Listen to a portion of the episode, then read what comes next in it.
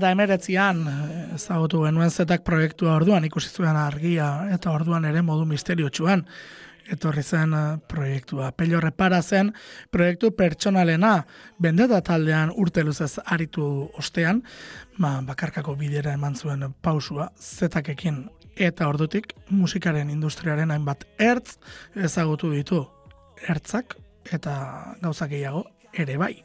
Izan ere, Euskal Herrian proiektu arrakastatxuenetakoa izaten ari da bai zenbakiei dagokionean behintzat. Eta eta horren guztiaren berri izan nahi genuen lehen eskutik ea nola bizi duen hori guztia pello reparazek.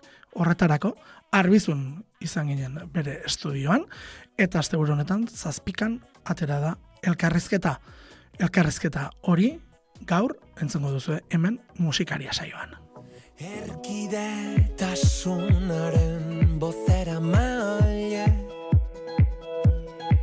Xoriak mugaren bestalde.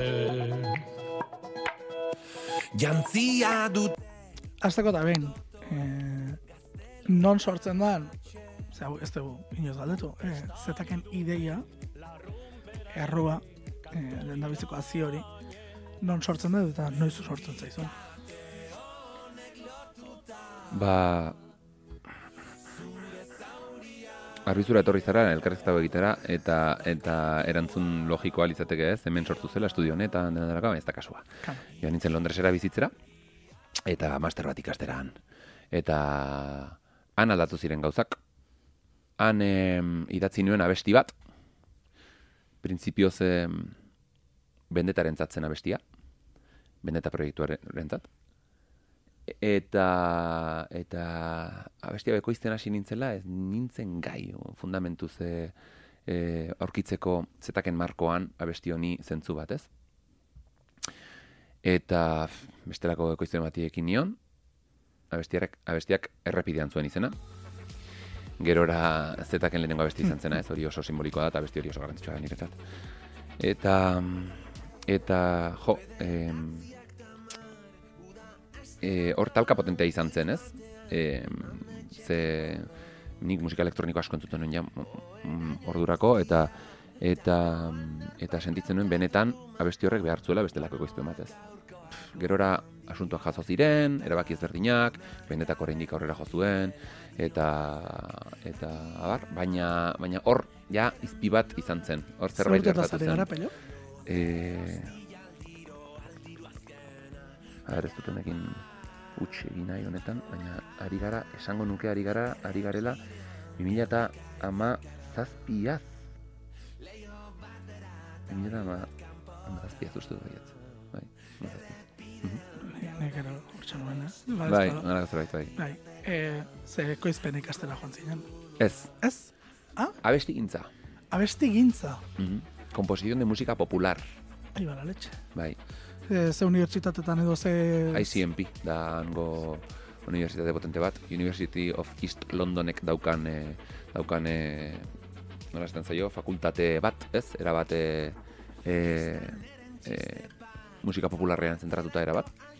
Eta, eta bai, abesti gintza ikastera joan nintzen, hau da, abesti, bueno, irratian entzun ditzakegun abesti, bai, bai. herrikoi hauen, egiturak, e, iruditeriak, nola jorratu, nola landu e, errekurtso ezberdinak, letrak, e, ez jorratzeko gaiak, baina hauek, e, hauek e, obe edo, tar, edo, bueno, bai, e, hauek idatzia izateko errekurtso, alik eta errekurtso gehien garat, garatzeko, garatzen ikasteko unibertsitatea zen hori. Eta, eta bai lettertan, bai musikan, bai egituretan, bai nik, nik musika herriko ulertzen duen moduan, aldaketa ugari jazana, jazo, jazo ziren e, nire buruan e, urte horietan bai.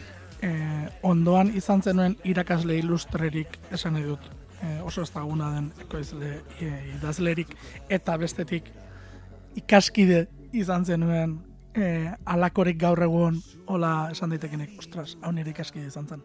Ba, begira, hor maila handia zegoen unibertsitate horretan, handia handia eta eta bo, irakaslei dagokionez baziren, ez? E, jo, pues, e, Christine and the Queensekin eta e, e, zuzen eritzen zen jendea, abesti gintzan, adibidez niretzat, niri bizitza aldatu zidan e, e, irakaslea, tutorea izan zen Sophie Daniels, bera da tipa bat, bueno, ez dakit, iruditzen zait erokeri bat, tipa horrek duen burua, eta idatzi du mundu mailako artista top, top, top askorekin.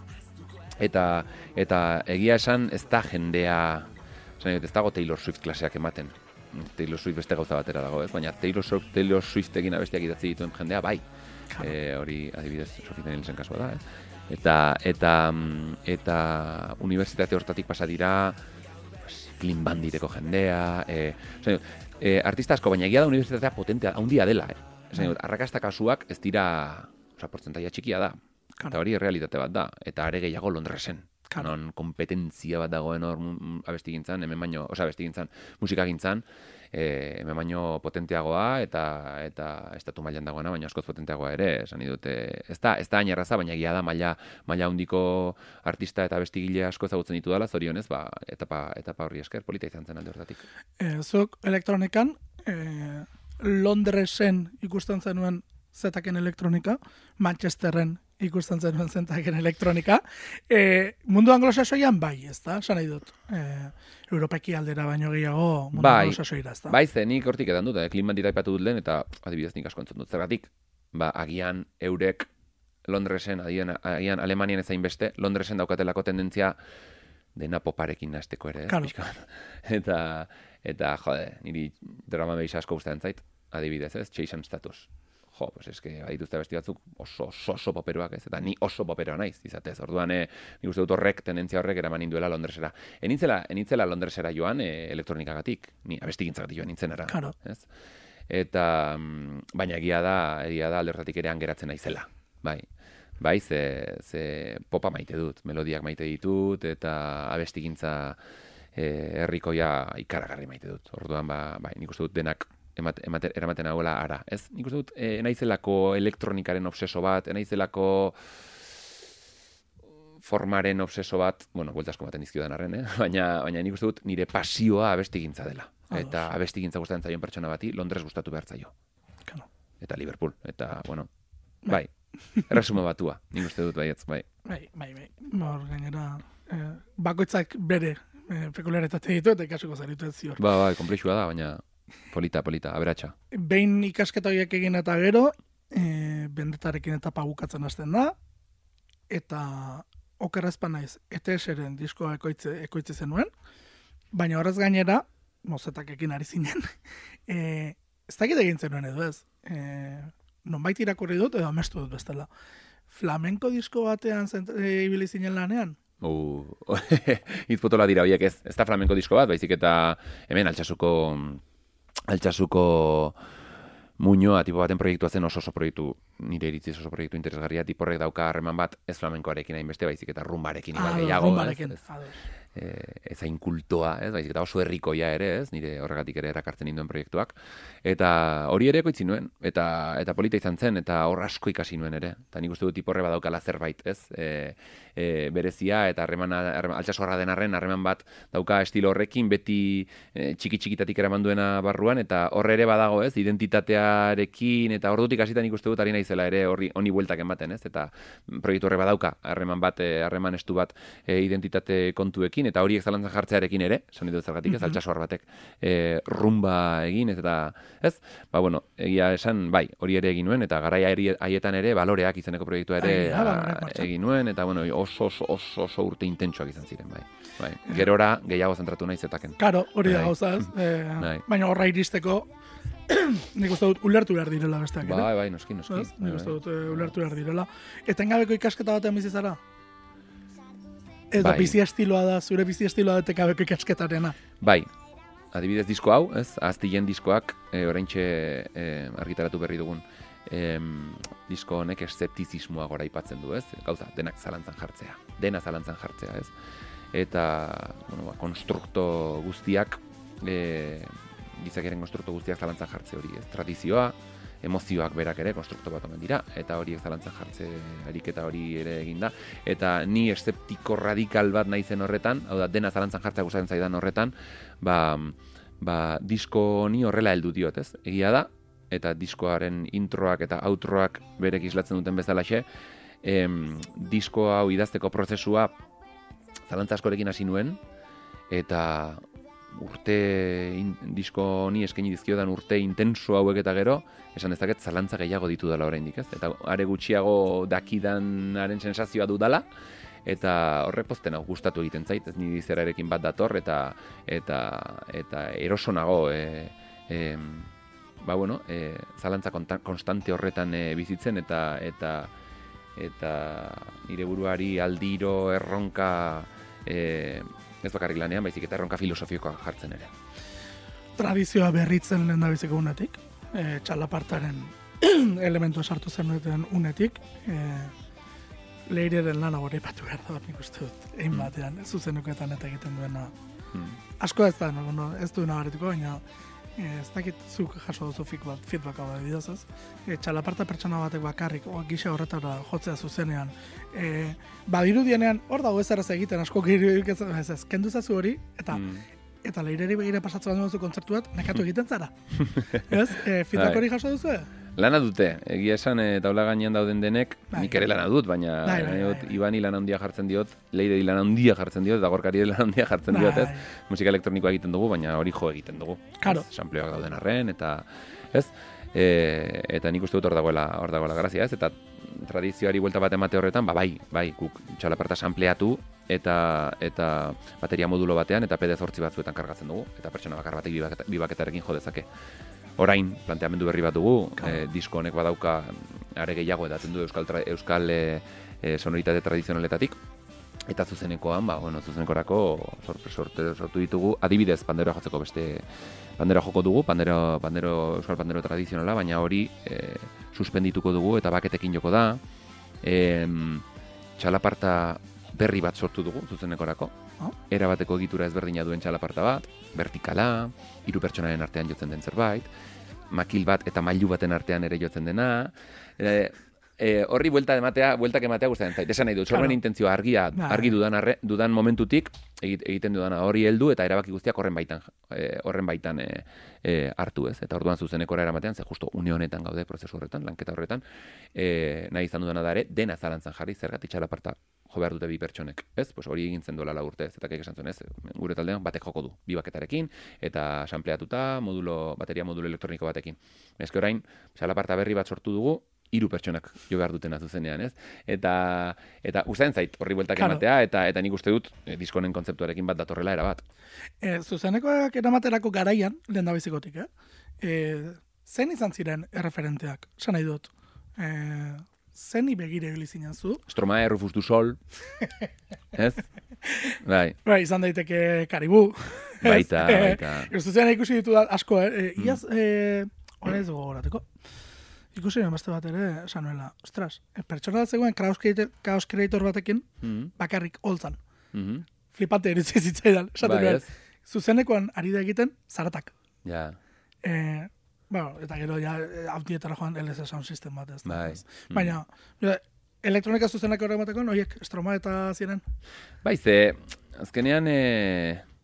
Osea, nik bestelako musika entzuten nuen gara hortan ere, eh? gaur egun hainbeste entzuten ez ditudan e, proiektuak, adibidez Major Lazer bezalako proiektu bat, gero Major Lazer zuzenean, ba, bueno, etzen, etzen e, nik zuzenekora eraman nahi nuen Claro. hori, baina estromaek adibidez bai erantzuten ziola grin horri, ez? Eta eta gero set ezberdinak ere, ez? Los Frequenciesen se, setik oso interesgarri bat dago ere, nik uste dut zuzenekora eramatekoan, nola ez Rufus du Sol, hor zalantzari gabe hor esan behar dut, gainera hemen dago diskoan dago gino oso oso oso oso nabari bat Rufus du Sol proiektuari Angule LA bestian, sintetizadore agudo potente batekin hor eta eta eta bai, hoie dira proiektua zerga- zergatik ze, ni naiz DJ bat.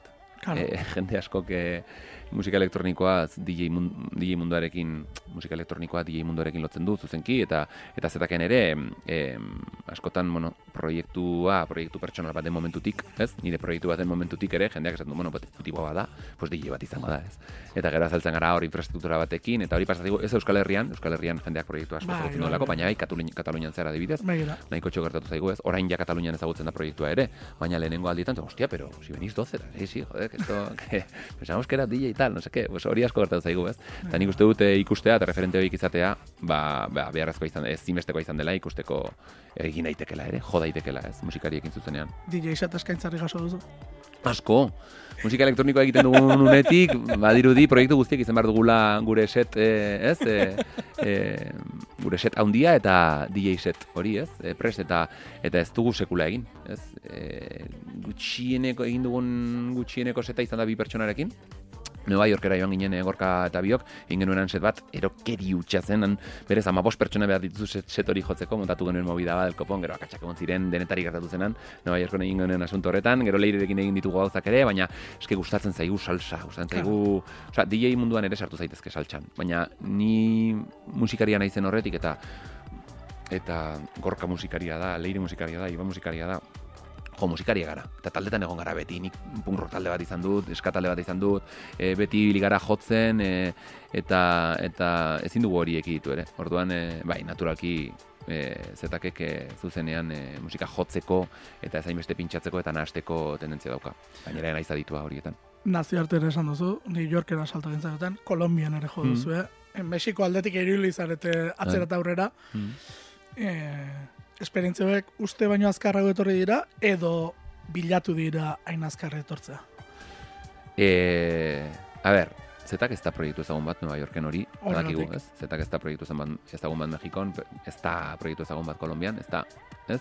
Eta ia da guk lan handia egiten dugula, e, argi dugula, e, arago nahi dugula, ez? ez zetak e, zorionez, proiektua e, oso ondo kokatu da Euskal Herrian, baina baina uste dugu zetak baduela zer esana ere Euskal Herritik kanpo, ez? Orduan eh, horre deskaro oso egiten dugu lan.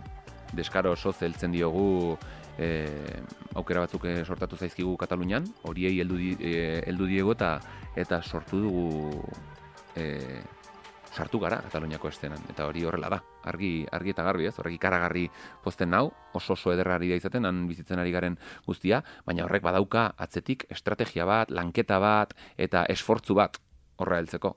Ezinbestekoa dena. Mm benetan e, e, gauzak lortu nahi badit, nahi badituzuan, ez? Beraz, egia da aukerak sortatu zaizkigula, sortu zaizkigula, ate asko ireki zaizkigula, nik urtetan eta urtetan e, ireki, irekitzea lortu ez ditudan ateak eta zetakekin ireki direnak, eta nahiko erraz, eh?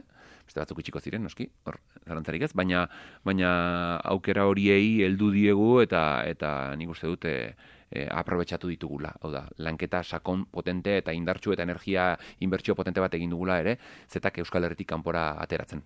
Lotxagabe,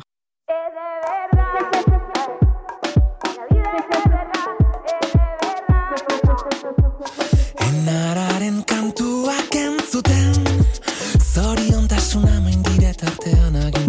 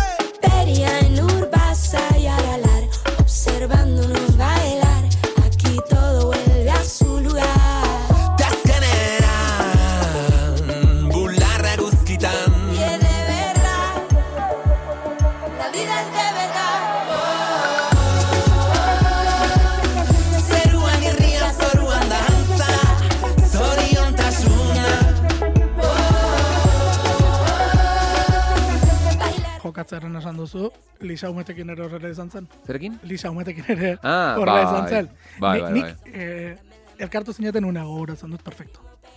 Antzinen zu, ala? Bimen, Bai, eskailera mekaniko batzutatik zuek, bai. bestetik Lisa Umet. Eta ni nintzen zure begira, eta nire lankidea zen liri begira. Ah. Eta esan zidan, e, begira pello dator, eta bera, begira li dator. Eta elkartu egin zineten. Eta esan genuen bat besteari, kolabo. Bitxia izan zen, Bai, bai, bai. nik baina, bai, nik baina antzen. nola izan zen, e, hartu eman hori nola hasi zen. Bueno, aurretik eh, egon zen, esan ditut, bimen, Bai. bimen Hor itzartua elkar- zegoen, hor bimen elkartuko ginela, ez? Bai. Eh, bomba estereo kolombiarra izanik eta bimera zetu zen, eta eta gu euskal herritarrak izanik, ba, bueno, eh, naturala zen hori izatea, ez? Eh, eh, bime izatea, elkartuko gintuen eh, eh, puntua, ez? Edo jaialdia. Eta aurretik, egon zen hor hartu, hartu eman bat, hor eh, nik justo zuzauden lekuan pixkatatzerago horratzeko hortan grabatu nuen bideoa, nire burua mm, grabatuz eta esplikatuz pixka bat zertzen zetak, zertzen Nafarroa, e, zertzen arbizu, zein zen gure hizkuntza, zergatik, nola, bueno, eta, eta hori bomba hori bidali, eta eurei asko gustatu zitzaien, ez? Eta horti dator asuntua, ez? Bai, da. Gero abesti entzun zuten ere, abesti asko gustatu zitzaien, eta bimen, azkenean aurrez aurre egon ahal izan ginen, eta hortik etorri zen, zetak eta bomba estereo. Ze industria beste maila bat ere egotzen da hor. Musikaren industria beste maila bat ere egotzen da hor. E, bimen edo dut. bomba Ez, estereorekin. ez, bomba esan duzu. estereorekin, Ah, bai, bai, bai, bai. Bimen ere bai, kontuz, bimen ustez duzumenak dizaten Ba, dituzu. bai, bai, bai, bai. E, sorpresan ematen duzu, hau alakoa data. ah. Bai. Ez, horako gertatzen dira. Baina, bomba estereorekin esan dut industriaren beste maila batzuk ezagutzera iriste zara. Bai, eh, a ber, nik uste dut kolaborazioak ez direla magikoak, ez? Osea, jende asko dauka sensazioa ere, ostia, em, jode, eh, bomba estereoekin kolaboratzen duzu momentutik, modu batera bestera, hor kokatzen zarela, eta ez da, ez da, hori ez da horrela, noski. Eh, bomba estereok bat banirekin kolaboratu duen unetik ere, ez da kokatu bat bani dagoen lekuan, ez? De hecho, bat banirekin abestia atera zuten, eta jarraian gurea izan zen. Eta, eta ez, ez, hostia, hostia, boa, perfecto, increíble, honek eragina izango du ez, gugan ere, ez? Bat baniren eh, horri esker, bomba ez da. estereo, ez, da bomba estereen gandik, guri helduko zaigu, pues bat baniren eh, aloa, ez? Eta ez da hori, nik uste dut eh, kolaborazioak gehiago direla balio baldin badute, badut, dute balioa ba, abestia beraren iza, izateagatik, ez? Da kasu honetan guk bomba estereo aukeratu genuen, e, ja, e, erroa lantzen duelako. Hau da, be, euren erroa, Kolombiako erroa eta bertako sonoritateak eta musika elektronikoa uzartzen dituen proiektu bat delako. Claro. Hau da, argi eta garbi nik e, izan ditut beste ba, bueno, zenbaki dagokionez, proiektu potenteak diren beste proiektu batzuen gandik, beste proiektu batzuekin kolaboratzeko aukerak egon dira. Ez proposamenak euren aldetik, baina bai Bai, aukerak, ez? Esaten duzu, ostia, aukera bat dago, eta, eta, eta uste dut ez dela ona zetakentzat. Hau du, zetakek kolaboratu behar du, kontzeptua, eta zer, zetaken sormen intentzioa, zetaken aterki kontzeptualarekin bat egiten duen proie, duten proiektuekin, ez? Horregatik kolaboratu dugu Filasek Casandrarekin, horregatik kolaboratu dugu Neomakekin, horregatik kolaboratu dugu Maralarekin, e, Okes Grasesekin, Erramun Martikorenarekin, eta, eta Bombestererekin, ez? Denek dute hori eman komunean. Hau da, e, ez du zentzurik beste gauza bestera batera egitea. Oso presenta izan behar dugu gure, gure idea, eta Bomba Esterok bazuen. Bazuen hori. denak ez duela balio. Ez ez, hala da. Denek ez Garbi, balio. garbi geratzen da, eh? Esan nahi dut, ostras, e, ze askok izango dirudi hori. E, ba, bomba bilatu dute, Ah, bueno, bai, nazioarteko bai, bai. irudia eta proiektatzeko, eta Bai. Eta bat eta beste, baina ikusten da, eh, ez ez, eh, Bai, ez, uko, uko egit diozun horren damurik izan duzu inoiz? ez, Begira. Ez, zeuko, ze asko zerrazagoa da bai ez esatea ez ez baino. Askoz, askoz. Esaten duzu, ba, bueno, tío, eta jendea, ba, jendeak ez du, jo que se, egin ezagun hau, ez du horituko, eta mm, ez da hori, da, da zuk zure proposamenaren e, e, sendotasuna babestu behar duzula. Argi eta garbi, eta eta eta ez badiozu so egiten proiektuak, oso definituta balin baduzu proiektua, Bai, ez daukazu zalantza hondirik erabakiak hartzerako garaian. Eta nik ez, normalean ez dut zalan- zalantza hondirik izaten horrelako kasuetan. Esan nahi dut, ikusten badut argi eta garbi proposamen bat edo eta aukera bat edo eta bide batek talka egiten duela nik zetak definitzeko daukan moduarekin, daukadan moduarekin, ez ezkoa oso argia da. Oso argia da. Zetakek identitatea jorratu nahi du, hori da gure aterkia, oso argi daukagu, identitatea. Identitatea jorratzeko ni legitimatzen nauena sinisten dut euskara dela, hizkuntza dela, E, orduan horren bandera egiten dugu eta hori jorratzen dugu eta identitatea eta hizkuntza eta militantzia hori em, e, jorratzeko dauden aukerak milaka eta milaka eta milioika diren e, horretan, horitatik kanpo dagoen ezer, ez dugu nahi, ere proiektuan, ez dugu zetaken nahi, ez? Bueno, lehen aipatu duzu Londresek izan zuela nola baita eraginik, eta Euskal Oskik. Ba, Ze Euskararen militantziaren kontua batik diot, eh? bai, bai, bai, suposatzen dut baietz, noski, ez? E, jo, ez dakit, hor nik uste dut e, egon zela, ez? E, hausnarketa bat nire buruan eta e, urte horietan, ez? E, Begira, arbizutik, arbizun bizi izan naizenean, ez dut garatu e, ikuspegi hori, ez? Eta kanpora irten naizenean gehiago, ez? E, uste dut azalpena senzilloa dela, ez? E, da perspektiba hori edo eta em, bidaiatzeak eskaini dit e, ikuspegi hori edo bida- bidaiatzeak eskaini dit aukera hausnarketa sakon bat egiteko adibidez globalizazioaren inguruan, ez? Eta eta mm, horrek birkokatu du nire nire sen kreatibo, artistiko, identitarioa, ez? Orduan, e, e, ariketa hau urte horietan eman zen, hausnarketa hau urte horietan eman zen, Londresen enbilela, e, Londresen enbilela ari nintzen Euskal Euskirekin bidaiatzen alde batetik Claro. bestera ere, bidai asko, ez? Eta egia da, nik han, Londresen, nire klasean, e, abestiak jende gehienak ingeleraz idazten zituen. E, herrialde, mundu osoko herrialde ezberdin pila bateko e, abestigile pila bat ziren nirekin klasean, eta gehienak ingeleraz abesten zuten. Eta nik euskaraz abesten nuen horretan, eta abestiak gelara klasera euskaraz ekartzen nit, e, eraman nit- nituen horretan, ikusi nuen, ba, kriston ikaragarrizko interesa sortzen zela. Hau da, ez, ez zenuen kronometra hartzen, baina klase batean e, nire, nire abestien eta geure hizkuntzaren inguruan hitz egiteko erabiltzen ziren minutuak, ziren besteen e, hizkuntza abesti edota guztietan eskaintzen ziren minutua, baina askoz, askoz, askoz, askoz gehiago, ez? Jendeak, jendearen kriston interesa bizten zuen, ditu, jo, pero, hostia, pero, entonces, galdera asko, ez? Nola egiten duzu eh, hain agresiboa izanik hizkuntza hau edo alako batez hau, ez dakit, em, galdera asko sortzen ziren eta interesa handia pizten zuen horrek, ez? Eta horrek ere eman zidan zer pentsatu, ez? Eta zer, esan jo, begira, zeinen bada hau ere gizartea beraren eta mundua beraren isla da, isla da moduko bat, ez? Isla moduko bat, da zenbat eta zenbat proiektu daude ingelera, zenbat eta zenbat jende, zer ezberdinduko nau ni, artistak, artistok asko bilatzen dugu hori, ez? E, besteen gandik ezberdintzea, eta eta unen hortan esan, jo, pues, haizu, adibidez Euskara, ez? Zeinen e, gertu dudan, zeinen eskura dudan, beste guztien gandik ezberdintzeko, ez? Eta benetak abestiak euskaraz eta espainolez abesten zituen horretan, zetak ekin erabaki nuen bakar bakarrik euskaraz abestea, ez? Eta ez daukat sentsazioa e, harrera harrera txarragoa izan duenik Euskal Herritik kanpozetak, ez? Orduan, em, e, e, oso sakon eta oso interesgarria izan zen, eta Euskal Herritik kanpo egin nuen. Uste dut horretan, baduela bidaiatzeak e, e, bueno, errua handia eta bidaiatzean, ba, noski, Euskal Noskik eta Londresen bizitze horrek, eta eta eta denak, ez? Nire, nire garai hartako bikotea ere Suezian bizi zen, eta dena bidaiak ziren, garai hartan. Dena bidaiak. Orduan, e, ikusten dut horrek asko asko mantzi dela. Begira. Gazkinari beldurra galtzeko aukera ere. Eta, eta bai, egit, asko ikasi nuen. Desastre bat, iparrik gabeko mapazar bat Zunigantan izugan Zirriborro bat, deskartez zikin bat Laboaren horrietan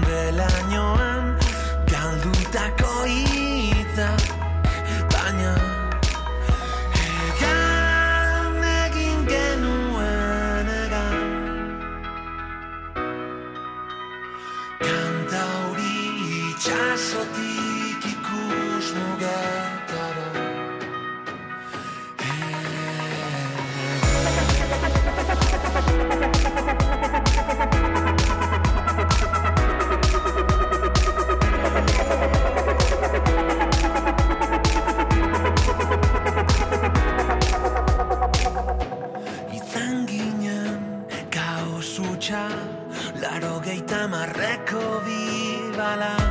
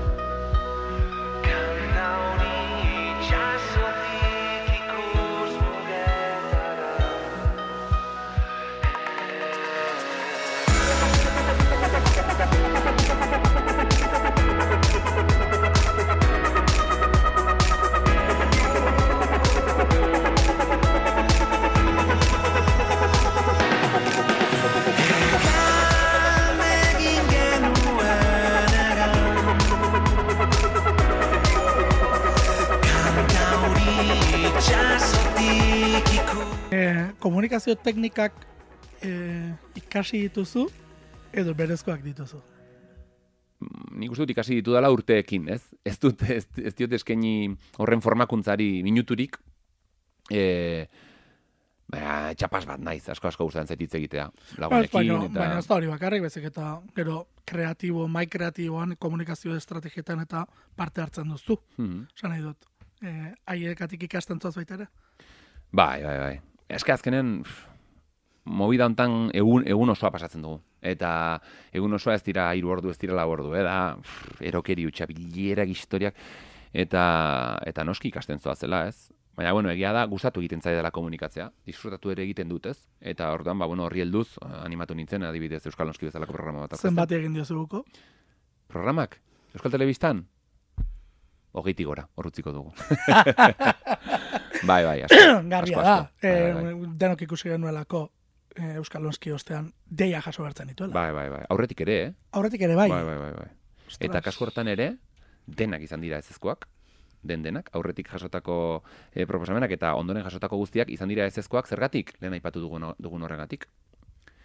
Nire ident- identitatea eta nire sormena zeri eskaini behar diodan, erabakitzerako garaian, ideiak argi ditu dalako, hau da, lanketa bat egin dudalako, hausnarketa bat egin dudalako, eta sormen intentzioa argi daukadalako, ez? Eta horrekin talka egiten duen proposamen oro, desestimatzen dudalako. Zure kreuko batek elkarrezkata eta aurretik berarekin izketan zure lengusina. Ane, anes. Hane, bai, hane eskala. Aneskala. E, esan dit. E, bila, bi, oza, ez da e, astebete oporretatik etorri dela, Hmm. eta badirudi bila betetik gora doala hemen. Ja. Zenbat ordu eskaintzen dizkiozu egunean zetaki, eta zenbat ordu estudioan. E, nik uste dut desberdintu behar direla. Bai, jo, nahi nuke ordu gehiago eskaintzea estudioan. Begira, horretarako da, hori da aneren lana.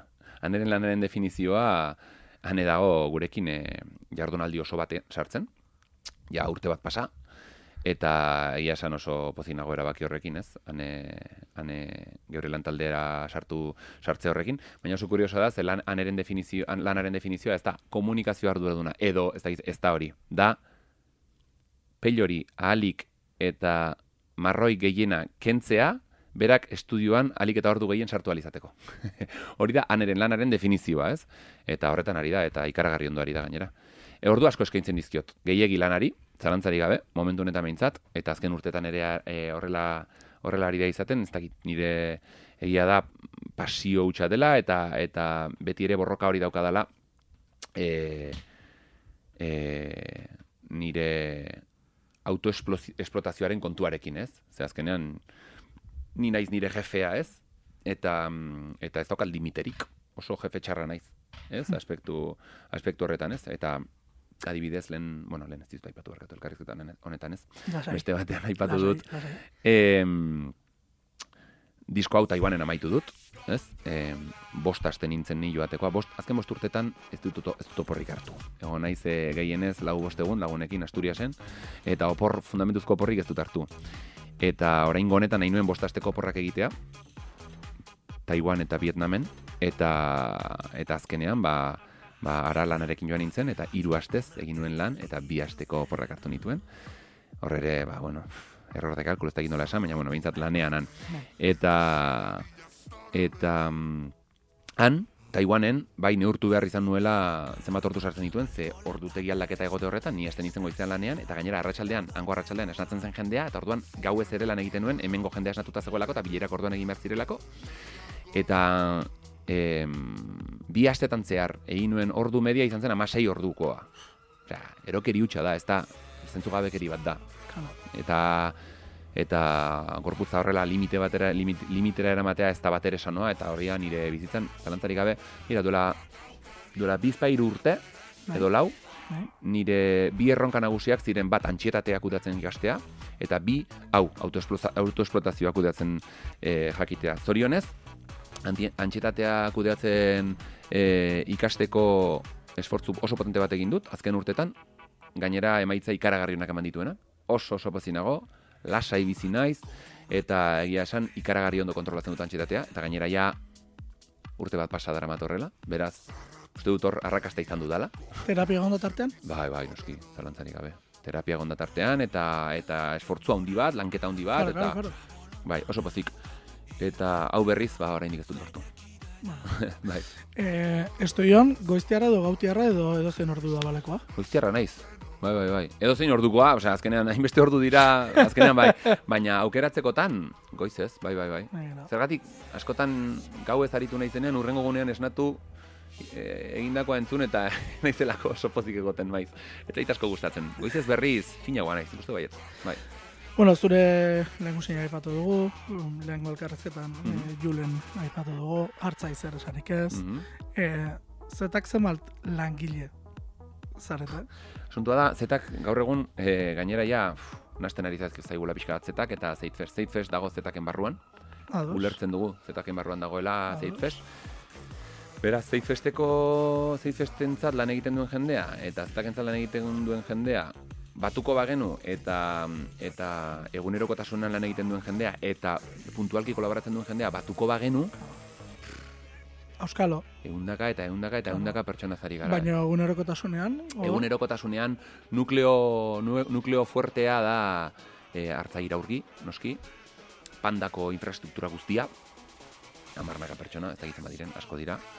Em, han eskala noski, iratxe reparaz noski, biak lemusinak. Julen Hernandez, une honetan ere esan dezakegu gurekin lanean ari dela eta eta sartu dela zezen bat bezala proiektura Jon Basaguren. Eta, Hala. bai, hau azken fitxajea. Ez da fitxaketa makala. Bai, bai, pozik. Eta, eta nik uste zetaken nukleoa hori da, eta zeitfesten, e, xafan daukagu, e, etxarriarra, hau ere, eta, eta, eta, bueno, Pau Vargas, pandako Pau Vargasen implikazioa garrantzitsua da, bera, bera pandako burua da, eta, eta pandako jende askoren e, e, implikazioa ere hurbiltzen da maiz e, egunerokotasunen hortara. Baina aipatutakoak dira nik uste dut e, e, benetan zetaken eta zeitfesten egunerokotasunari heltzen diotenak goizetik e, arratsaldera. Bueno, Zeitfest aipatu duzu, Zeitfest, eh, sekulako monstrua bihurtu da. Bai. Ez? E, hori kudeatzea, nahi dut, bai e, talderen irudiaren aldetik, Hmm. ez? Ze askok, ba, bueno, berriz ere handi nahikeria eta horrelako gauzak Mhm. botako dizkizuet, eh? Bai. E, bai kudeatzea datak, Claro, topagunearekin talka, ez talka, Mhm. hor ere, ez? E, eta baita ere, instituzioekin egin behar den lan guztia, Mhm. e, zenba buru uste sortu ditu honek taldean beren nukleoan, esan nahi dut. Hasiera batean, ba, bueno, modu xaloan sortu zen Mhm. festa bat, e, X festa bat izan behar zuena, Mhm. zer bihurtu den ikusita, zenbat buru uste sortu dizkizuet ez bai. Gehiegi, hori da, hori da erantzuna argi eta garbi ez. Oso komplexua da. Nik uste dut polita dela, mm, begira, ni, ni burua uste guzti hauek em, guzti hauei aurre egiterako garaian pentsatzen dut nola sortu zen hau, ez? Eta horrek laguntzen dit aurrera jarraitzen jaialdiarekin. Pandemian ginen, zeinen ederra izango den izeneko abestia idatzi nuen, argitaratu genuen, eta horrek eragin polita izan zuen gizartean. E, abesti bakoitzak duen sormen intentzioa di ere gustatzen zait eskaintzea infrastruktura bat, hau da jendeari ematea abestiaz gain bestelako tresna batzuk abestia ondo ulertzeko, hobe barneratzeko eta eta mezua hobe bueno, heldu dadin, ez, jendearen gana. Eta kasu hartan okurritu zitzaidan, jo, pandemia zarekinen, zeinen ederra izango den, haizu zergatik ez, jendeari lagundu imaginatzen, egun bat, non ospatuko dugun hau dena pasa dela, ez? Orduan, story bat igo nuen, sare sozialetara, e, aizue, hemen duzu esteka bat, sarrerak erosteko, zeinen ederra izango den fest izeneko jaialdira, ez dizuet esango datarik, ez dizuet esango lekurik, ez dizuet esango talderik egon den, ez egongo programaziorik gabe, ez zer informaziorik gabe. Ze orduan, e, hartzaizu eta lehengo zina iratxe, ezta? Bai, bai, bai, hori da. Ez zegoen ez julenik, ez, ez, ez- ez, ez, nire inertzia moduko bat izan zen, jaialdi, venga ba, eta, venga, zergatik ez, ez, eta ingo dugu gero festatxo bat, eta, eta, aizu, talde lagunen bat e, gonbidatu, eta ingo dugu zerbait, ez da giz, eta, esan dakoa, argitaratu, e, estori hori argitaratu, esan ez, etzegoela datarik, etzegoela lekurik, eta etzegoela e, programaziorik, jaialdi horretarako, eta hamar mila sarrera saldu ziren. Esan nahi dut, ostia, oso serioa da asuntoa, ez da, ez da txorakeri bat, eh? Astakeri hutsa da. Ba- Barra ezari naiz, baina... Eske historia da, Da. niretza da, vamos, ikaragarria da. Zenbate, zenbatean ziren sarrerak? E, prezioa zari zara, Bai. amazazpi. Horrek esan dut, irurogeita mar mila euro direla, ez? Bai, bai, diru bat sartu zen, eta orduan esan genuen, Claro, aizu. e, e, ze, ze diru sartzen. Claro, kolpera, egun da irurogeita mar mila euro Bai. jaso dituzue. Bueno, kendu behar zaizkio horri Bai, bai, kendu, bai, noski, noski, noski, bai, esan nahi dut, sarrera bezala, Karo, bapatean ikusten duzu zer gertatu da hemen. horrek bultzatu gintuen, noski, ba, jaialdiren plantamendua aldatzera. Claro. zalantzarik gabe. Orduan, e, karo, hor diru bat zegoen, eta, eta, eta, azkenean, nik uste dut, bukatu genuela eskaintzen, ba, bueno, askoz, askoz aurrekontu handiagoa zuen e, jaialdi bat, azkenean, kolaborazioak ere, eta sinergiak sortzen dira, e, e, eta eta jaialdiak hartu zuen dimentsioa eta fenomenoa kontutan hartuta nik uste dut monstro batean bilakatu zela, ez? Zuk, zuk lehen esan duzun bezalaxe. Eta orduan bai, horrek behartu gintuen, ba, haizu planteamendua aldatzera eta azkenean beken ospatu zen, e, e, lehenen, jaialdiaren lehenengo, lehenengo edizioa eta hor ba bueno, gaur egun oraindik e, gurekin den monstru hori sortu zen. Bai, eta, eta horregatik ez, hor, e, instituzioen babesa ere beharrezkoa da, noski. Mhm. Ze bestela, Maila horretako jaialdi batean bai, claro. claro. bai, bai, bai. Hori gabe, ezin da ulertu, esan nahi dut. E, Tamaina horretan, infrastruktura horretan eta nik dut komplikatu alitzatekela nien naiz aditua, eh, gai Bai, bai, hauetan, bai, zen bai. nik behin antolatu dut gauza bat, eta hori zeiz fes da. bai. ez baino, baina bada, Bai, ez hor. bai. Espazioa berak sortzen dituen e, gauza guztiak, Hmm. kontutan hartuta soilik. Hmm. ez? E, dena dela, Bueno, behin, barkatu. Puntualizazio txiki bat, esan nahi dut. E, movida pila bat antolatu ditut nik Bai. hemen. Baina, claro, asuntoa da, e, arbizuko arbizu elkar, arbizuko elkartean edo gaztetxean edo dena delakoan e, e, kaotikoren kontzertu bat antolatzetik ba, beken amar mila pertsonako jaialdi bat antolatzera, ba, naiz hortara dedikatu urtetan, ez? eta, Orduan, be- eh, eta beken dagoen, atzean dagoen guztiarekin. bai, bai. e, itxen. E, esan duzu, esperientzi berri bat izan zen hori, baina esperientzi berrietatik abiatzen da zetak. Esan nahi dut. Lehen dabiziko ura ere zer izan zen. Ah, bai, bai, bai, bai. Jaztuta? Ez, ez, ez, eske, bai, izan dugu horre... Bai, input asko izan dituzu. Bai, Bai, bai, bai, bai. E, lehen dabiziko ura ere. Bai, e, jo, hori ere, bai, izan zen, e, bai, hori ere erokeri hutsa izan zen, ez?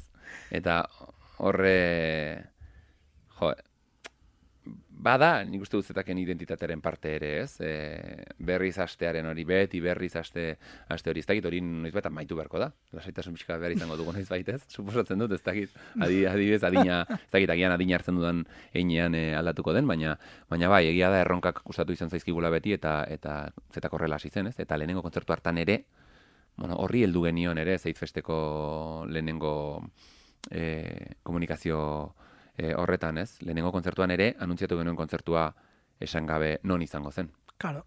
Eta, eta jendeak erantzun zuen. Eta zetakek abesti bakarra argitaratu zuen arren ordura arte, e, oia lume bete genuen. Hori da. Hor ere, jo, hor ere, ba, sorpresa darra eraman, eraman genuen, eh, izan genuen da, gauza oso polita izan zen, kaskoekin. Eta, Hori esan da, eta- kaskoena horre ere egin Bai, zenuten, bai. gero orain errepikatu duen Bai, zerbait. bai. E, kaskoena erantzun izan duen zerbait izan da. Bai, polita izan da. Nik Eta, eta jendeari- herritarrak eroso eskertuta, claro. Ah, bai, arbizun bai. Arbizun, bueno, arbizune, bakizu zenbat eman dian nire arbizuk asko, eh? Asko, asko, eta ez, ez orokorrean baizik, baizik eta zehazki zetak proiektuari ere asko eskaini dio. Hau da, gore bideoklipetako aktore gehienak arbizuarrak dira. Aktoreak ez diren arren. Bai, bai, bai. Eh? Eta, eta hori polita izan da, orduan nik uste dut herriari asko asko zortiola zetakek, eta, eta hori izan zen, ba, bueno, eurek abesti berriak entzuteko lehenengo aukera eurei eskaintzea arbizu batean, ba, nik uste dut eh, beharrezkoa zela, eta polita izan zen, bai. E, mertxan berezi asko ere sortu duzu bidean. Bai.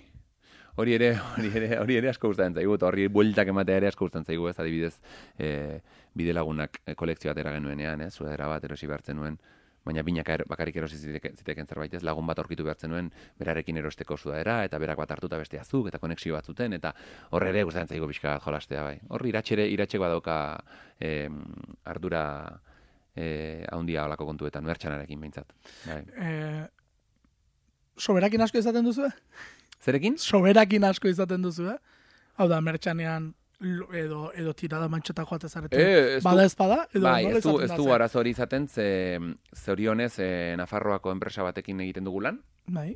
eta, eta bertan ditugu, gaur egin dugu azken bisita ara, eta gainera oso azkar egiten dute lan, eta, eta ez dauka, ez daukagu kriston kantitate handiak egiteko behar hori, gerora e, apostu horiek egiteko beharra, e, ba, bueno, bertan ditugulako, oso oso gertukoak direlako, eta gozada bat delako eurekin lan egitea. Bai. Hori, hori ere etxetik. Etxekoa zaintzen duzu. Bai, bai, alegia, bai, bai. denean, ez da? Sa- Saiatzen gara behintzat, saiatzen gara. Denean saiatzen zarete etxekoa zaintzen. Saiatu behintzat, bai. bai. bai. E, Etxe jaunak iesi argi argitan Adarraren deia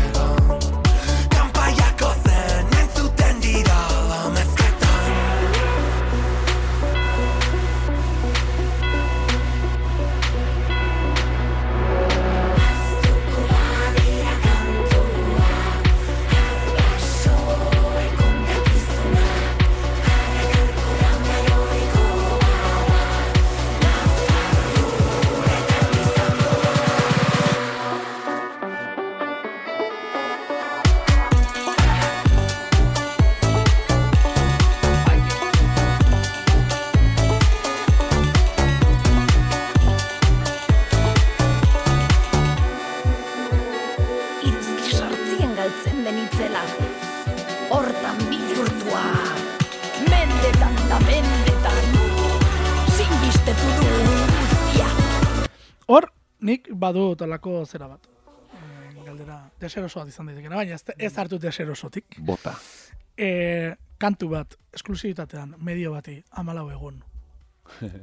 garai hauetan arraro ez zen izan. Kanpotik ikusita bintzat, e, pixkat, deskolokatu gintuen. Bai? Bai. Amalau egun, gaur egun, eh? Aha. dut, egun bat, bi, hiru, lau. Amalau egun. Hori arraro izan zen, pixka bat kanpotik. Zuek nola, nola izan zen horren ideia edo? Eta pixkat, ulertzeko baita ere entzuleak, ze, Bai, bai, bai, ez bai. garelako bakarrak, eh? ez pentsa hemen kaltetu bezala Ez, datorrenik, baizik eta eh, gehiago eh, ui, harridura sartu genuen, eta mm, bueno, kazetari batzuekin ere partekatu nuen, Bai. ea gertatu izan zen, eta Ja. hainbeste egun ez ez erantzun zidaten. Ja. No, nola izan zen kontua? E, nahi duzuzuk abesti bat, hemendik disko ateratzen den arte? Bai edo ez? Ez da zertan. Esan, eh? Be- begira, Nahi duzu bai ala ez? Benetan, ez arazo bat? Eh, horrela, horrela, horrela egiten duzu. eh? Begira. dugu bai edo ez? Nahi duzuna? Nahi duzu? Zu nahi duzu? Aztien abesti polita da agian hortarako. Ba, egingo dugu. Zeuen horretan jartzeko egun batzuz. Vale. Zer? Vale. Eh? Bakarrik hor, eh? Bai, Bakar bakarrik hor. vale, Digitalean zero. vale. Eh? Bai, bai, bai, irratia makarrik. Irratia makarrik. Ados. Bai. Zain dut, zuk esan duzu deskolokatuta utzi gintuela, Bai. utzi, utzi, ba, eske, eske hori da helburua. Zalantzarik gabe, ez? Zetaken eh, kasu askotan nik, nik uste dut oso ederra izan dela hori. Claro. Oso oso ederra. Em, nostalgia zari gara, diskoak doka kutsu nostalgiko ikaragarri, ikaragarri, ikaragarri handi bat. Eta gainera nik egin nuen ariketa hor zen, jo, nik ze beldurra nuen garai batez, ostia, ez zerrez tadin atera, eta norbaitek hartuko du, jarriko du, e, jarriko du agian e, YouTubeen edo ez da non, eta ja e, ez da hori gurea izango, eta halako kontuak, ez? Eta eta hori ikaragarri aldatu da, ez? Ja dena digitala da, dena Spotifyen dago, YouTubeen dago, eta irratiek Bai. ba, galdu dute, nik uste dut hor em, abestien eh, argitalpenetan eta abestien eh, eh, ba, bueno, jendeak eh, ez du jendearen gehiengoak ez du behintzat bakarrik irratietara jotzen garai batez bezala besteak entzuteko, ez? Eta Claro. nik nostalgia lehena, eh, lehenez. Bai, bai. Eh, Beste adibidez, ez? eh, Bai, hori da. Adibidez, eh, adibidez eh, Begi Beltz izeneko, Bai. disko honetan dagoen Begi Beltz izeneko abestian nostalgia jorratzen da, bueno, zu abestia nostalgia jorratzen da, eh, bueno, Aztien abestia nostalgia jorratzen da introan, eh, bueno, nostalgia jorratzen da abesti gehienetan, hau da, nostalgia da emozio bat, abesti gehienak guztitzen dituena. Em, eh, baina begi, begi beltza bestiarekin dago zerbait eh, oso oso kuriosoa eta da hain hain hain da nostalgikoa, eh, hain beste hausnartu dut garai horietan eta egia da garai horietan hainbat abesti dela nik oroitzen dut etzen gaztea zen eh, estanda irratia, iturmendiko irratia pizten genuela eh, abesti bat entzuteko grinarekin. Claro. Eta, eta abesti hori entzuteko aukera bakarra hori zen guretzat, garai Claro. hartan, ez? Ni aurban nintzela, ez? Eta hori karagarri ederra iruditzen zitzaidan, eta sentimen hori ezin dut, eske ez dut ahaztuko, eta zoritxarrez ezin dut gaur egon bizi, ez? Ulertzen dute, partekatua da, eh? Ba, ba, bai.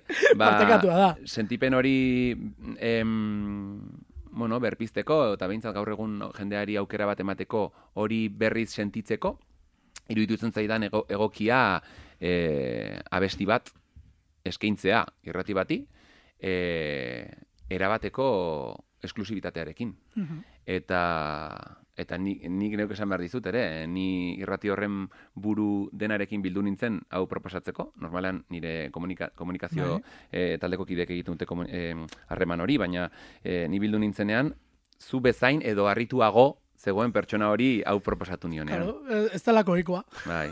Ez da oikoa, baina eske esan nahi dut, jo, Osea, estrenaldiak gaur egun askotan egiten dira ez goizean estrenatu eta gauan emititu. eh, eh, osea, Mm. edo, edo, edo introa, eskainiko dizut Hori, introa, ez? holako- Holako, amabo segunduko ez dakit zer, eta eh, ez da. Eta, eta hori bere esan zian, bai, bai, baina zer eskaini behar diazu, ez? Introa ez, jarri nire ez begira abesti bat duzu. Hemen e, goiti bera, tal, tal, tal.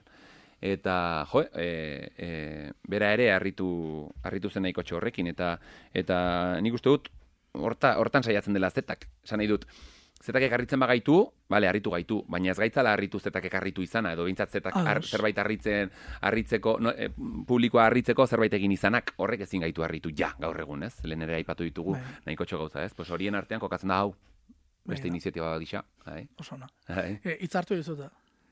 Bai, bai, ez ez, nik benetan eskaini dizut, eh? Bene benetan eskaini dizut, Bai, eh? bai. Osea, estudio honetatik aterako zara audioarekin. Hau da. Bai. E, azkena. E, zu, bueno, ba, elektronika zabaldu duzu jendartera, hori bai, hori ez dago zalantzaten ikustu dut horren inguruan hitz egin dela eta Mm. eta iritsi dela eta aldaketa bat egon dela hor, baina fenomeno sozial bezala. E, irudi publikoaren zama nola aramazu?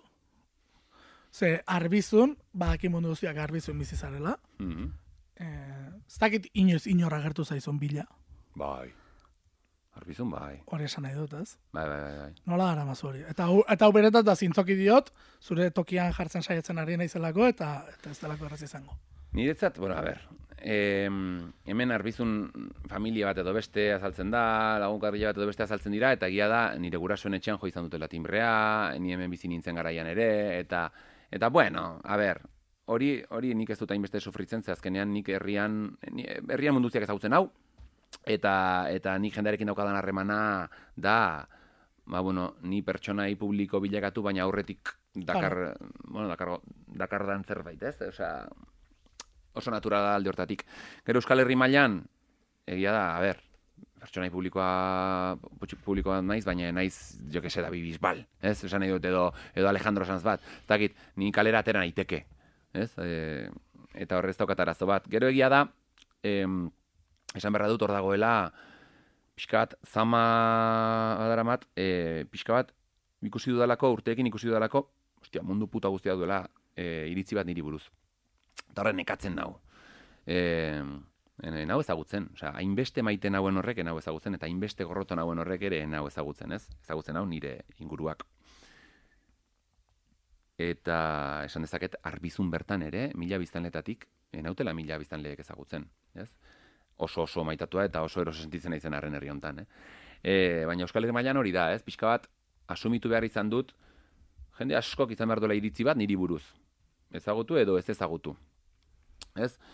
Eta, eta hori eh, pixka nekagarria da. Nekagarria da, ze, ze harremanetan beti egin behar duzu esfortzu bat, lehendabiziko ba bueno, eh, lehendabiziko pareta hori apurtzeko eta pixka bat arago joan alizateko, ez? Eta eta ba, bi aldetatik, eh?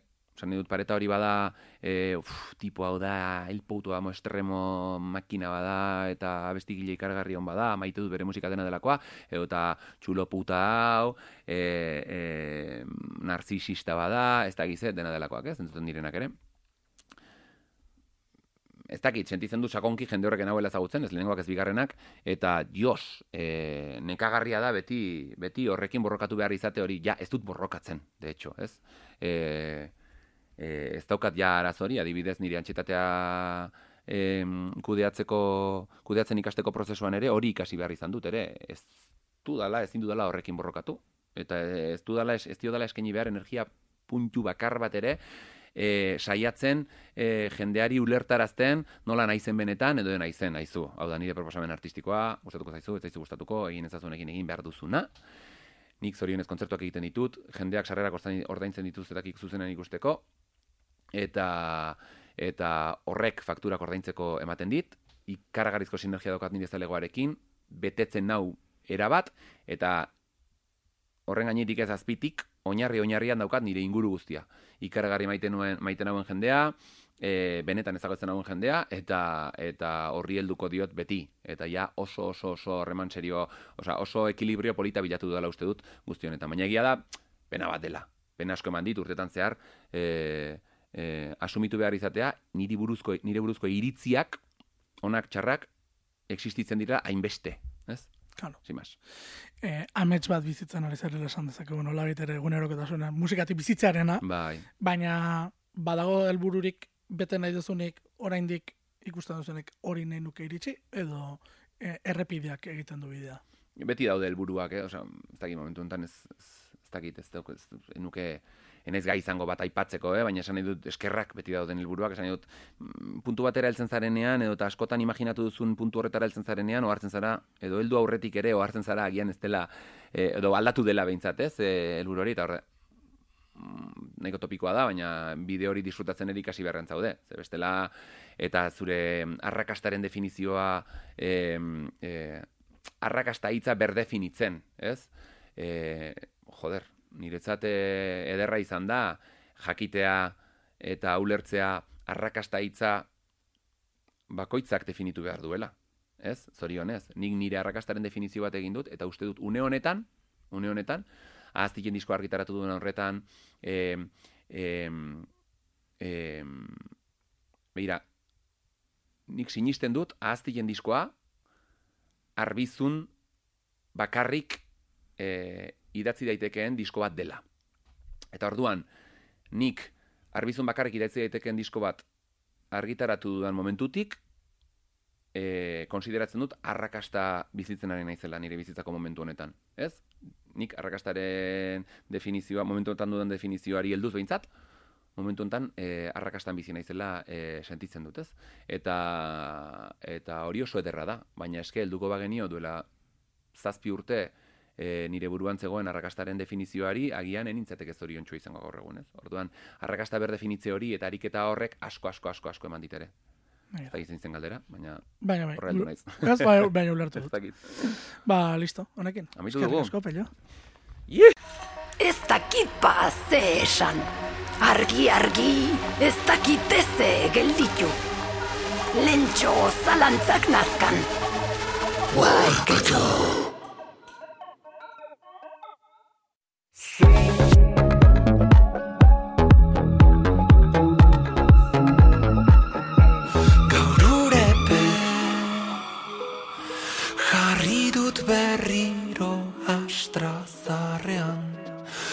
Itzali du sakana gau erdiko ekaitza. Ta orain ez da maitia Euriaren